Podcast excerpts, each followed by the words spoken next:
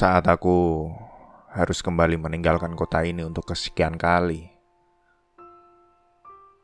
lagi-lagi harus ada was-was di dalam hati. Seharusnya aku sudah terbiasa menghadapinya. Sudah sepatutnya tidak ada lagi rasa khawatir dalam diriku. Walaupun ini bukanlah yang pertama, tapi aku tetap saja takut kalau semua pemikiran kotorku menjadi nyata. Apakah aku tidak belajar dari pengalaman? Aku juga tidak tahu. Apakah ini wujud dari rasa sayang yang begitu besar? Ataukah aku hanyalah melebih-lebihkan? Aku tidak mengerti apa yang aku rasakan. Ketakutan terbesarku tentu saja bukan tentang kehadiran orang ketiga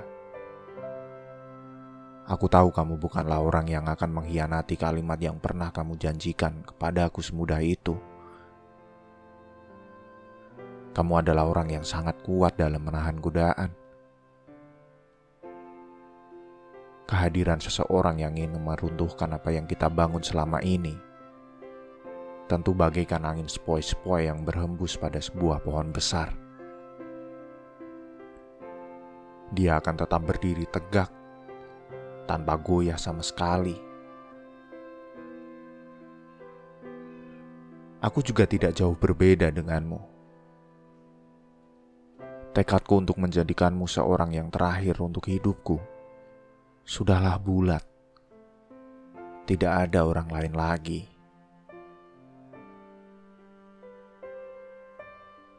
Yang aku takutkan adalah kita terbiasa dengan kesendirian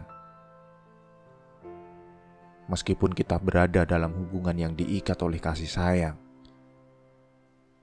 Kita harus menjalaninya sendiri-sendiri karena terpisahkan oleh jarak yang enggan pergi.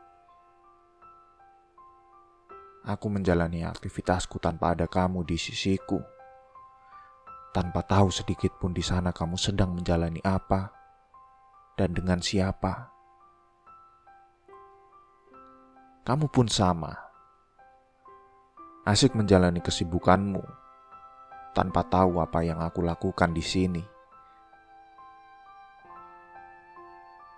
Kita hanya bertemu barang satu jam dua jam lewat layar ponsel yang tentu saja tidak akan bisa memuat banyaknya cerita yang ingin kita bagi.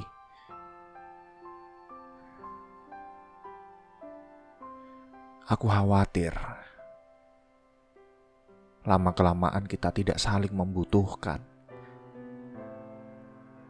Saat salah satu dari kita merasakan penat karena masalah sehari-hari dan ingin sekali melimpahkan semua itu dengan bercerita pada seseorang yang benar-benar peduli. Hanya saja, kadang orang itu tidak ada di sana hingga akhirnya beban itu kembali harus dipendam dan membusuk, hingga akhirnya kita tidak saling membutuhkan.